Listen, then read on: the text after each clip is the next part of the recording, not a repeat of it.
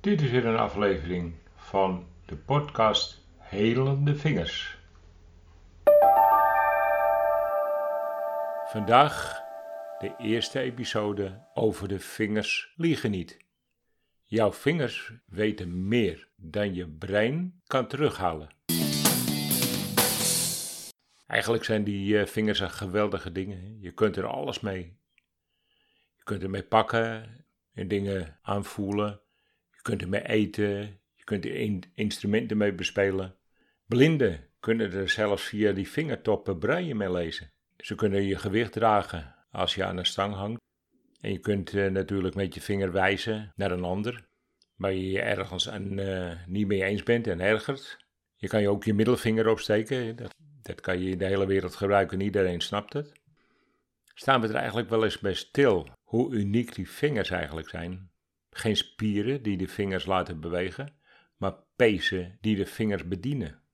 Vandaar dat je meer dan je eigen gewicht zou kunnen tillen.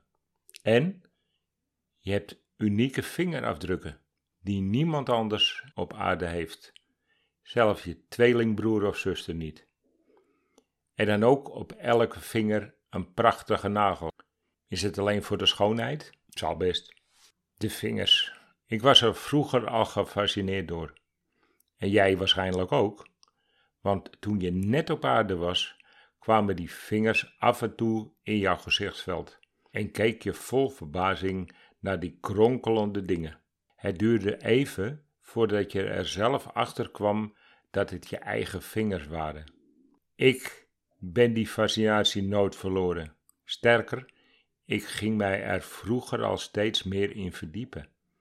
Als ik op beurzen kwam, de boekenbeurzen of bij oude boeken die verkocht werden, keek ik altijd vol interesse in, ja, waar mijn interesse lag in opgravingen, in oudheden. Maar als ik een boek tegen uh, zou komen over vingers, en die heb ik vroeger wel eens gevonden, dan nam ik die natuurlijk mee. Dat was toch wel heel interessant voor mij. En eigenlijk tegenwoordig is het wat makkelijker, hè? Je zoekt iets op Google en dat staat direct op je scherm. Toen ik jaren geleden op een site over geboorte kwam, las ik dat in de twaalfde week na de conceptie de vingers naar voren komen. Toen was mijn interesse helemaal gewekt. Koppeling was toen snel gemaakt, want ik wist dat buiten je breien om je al heel veel kan waarnemen. De eerste zintuig is er al vanaf de eerste dag. Die zintuig is voor je veiligheid, om je omgeving aan te voelen. En die eerste dag begon natuurlijk al in die baarmoeder. Eigenlijk hoort dat in de natuur zo. Bepaalde bloemen, als je die aanraakt, gaan ze helemaal dicht. Het is een, nu, natuurlijk eh, proces. Hè? Eigenlijk is het een onbewust proces. Net zoals kinderen schrikken. Ze maken zich klein. Bij angst duiken we in elkaar en bij succes maken we onszelf groot. Door dat verhaal op die geboortesite begreep ik waarom je hooggevoelig geboren kan zijn. Het verhaal dat je uitverkoren zou zijn ging er bij mij echt niet in. Dat je tijdens die tijd in je baarmoeder de emoties van je moeder op kunt pikken, was voor mijzelf heel logisch. Ten slotte ben je toen opgebouwd uit de stamcellen en het bloed van je moeder. Natuurlijk wat DNA van je vader, maar voornamelijk zijn de basiscellen van je moeder. Dus ook de emotie van je moeder gaat dwars door je heen. Als je kijkt naar ons grootste orgaan in ons lichaam, is dat natuurlijk de huid. Daar pak je de sensaties op van je buitenwereld. Maar die sensaties van buiten je moeten wel geïnterpreteerd worden. En dat kon alleen via het brein in je hart. Je brein in je hoofd was lang niet klaar om die impulsen van die andere zintuigen goed te interpreteren. Langzamerhand werd je zicht beter, je herinneringen werden opgeslagen en je eigen willetje kon naar voren komen. Eigenlijk kun je stellen dat jouw eerste zintuig vanaf het hart werkt en de overige vijf zintuigen vanuit je hoofd zijn werk kan doen. En ik vind eigenlijk dat het daar bij veel mensen misgaat. Want door dat brein in je hoofd denk je dat je afgescheiden bent van de ander. Je denkt dat je anders bent dan anderen. Maar als je weer teruggaat naar de eerste maanden, was die eerste zintuig de beste optie. Want je was een ontdekker, zonder weerstand of overtuigingen. En later heb je die eerste zintuig op de zesde plaats gezet. We noemen het ook niet voor niks onze zesde zintuig, alsof die pas veel later erbij kwam. Maar door dat eerste zintuig ben je nu in staat via jouw vingers te kijken waar ergens in je verleden het mis is gegaan als je nu klachten hebt. De vingers waren er namelijk veel eerder dan je nu verontwikkelde brein. Als je dus iets wil weten, moet ik het niet aan je brein vragen, maar kijken naar je vingers. En daar je die vingers al gebruikte voor je geboorte, is het niet ondenkbaar dat je al in de vingers kunt waarnemen hoe je die tijd hebt ervaren. De vingers bevatten een soort tijdlijn.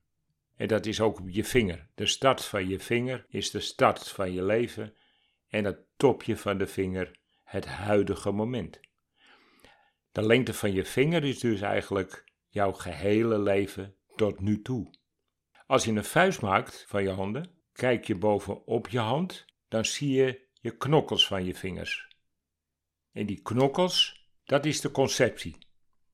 Als je je vinger weer recht uitsteekt en wat spreidt, zie je tussen je vingers het velletje van beide vingers bij elkaar komen. Dat is je geboorte. Er zit dus een afstand tussen die knokkels op je hand en waar je vingers naar buiten steken. Ben je hooggevoelig, zit het tussenliggende vel ook nog verder weg, dus wat los.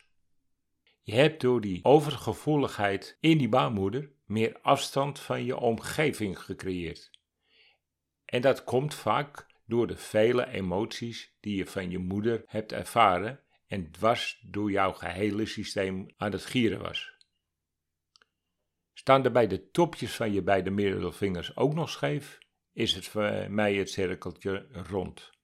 Je bent hooggevoelig en eigenlijk afgegleden van waarom je hier op aarde bent. Dat is ook de reden waarom ik de vingers bekijk.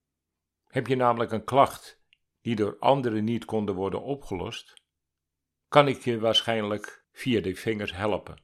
Zeker als die topjes wat scheef staan en tussen je vingers eigenlijk een soort zwemvliesje zit. Je leven als hooggevoelige begon al heftig en in je kindertijd uh, zal het ook niet prettig zijn geweest. En door die opstapeling van nog meer heftige processen en de daarbij behorende emoties, komt het lichaam langzamerhand energietekort om het lichaam gezond te houden.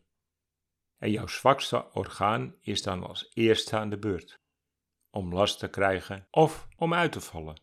Daarom volg ik dan ook niet de diagnoses die anderen gebruikt hebben. Ten slotte leverde dat niets voor je op. Ik kijk hoe jouw start is geweest en ga stap voor stap jouw hele leven door. Langs de emotionele tijdlijn in je vingers naar de huidige situatie, naar je huidige moment dat jij bij mij hier in de praktijk bent. De meeste problemen vormen zich in de eerste 15 jaar, maar worden zo weggedrukt dat het in het onderbewuste zit. Maar waar het lichaam nog steeds last van zou kunnen hebben. En als je de oorzaak weet, is het eenvoudig om het probleem die je nu hebt op te lossen met een simpele aanpak. Ten slotte gaat het er eigenlijk om hoe jouw brein je verleden nog ervaart.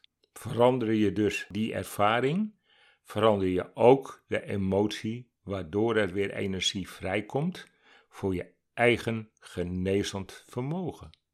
Het grappige is ook dat na de sessie dat ook in de vingers terug te vinden is. Mocht de vingertoppen scheef staan of mocht er een oneffenheid op de vingers zitten, dan zal dat direct hersteld zijn. Omdat eigenlijk de vingers laten zien hoe jouw lichaam zich voelt. Dit was het voor vandaag. Volgende keer gaan we verder en dieper in op het gebruik van de vingers. Over de vingers is natuurlijk heel veel te vertellen. En dat wil ik in de aankomende afleveringen best met jullie delen. Heb jij wel eens echt goed naar je vingers gekeken? Tot de volgende keer.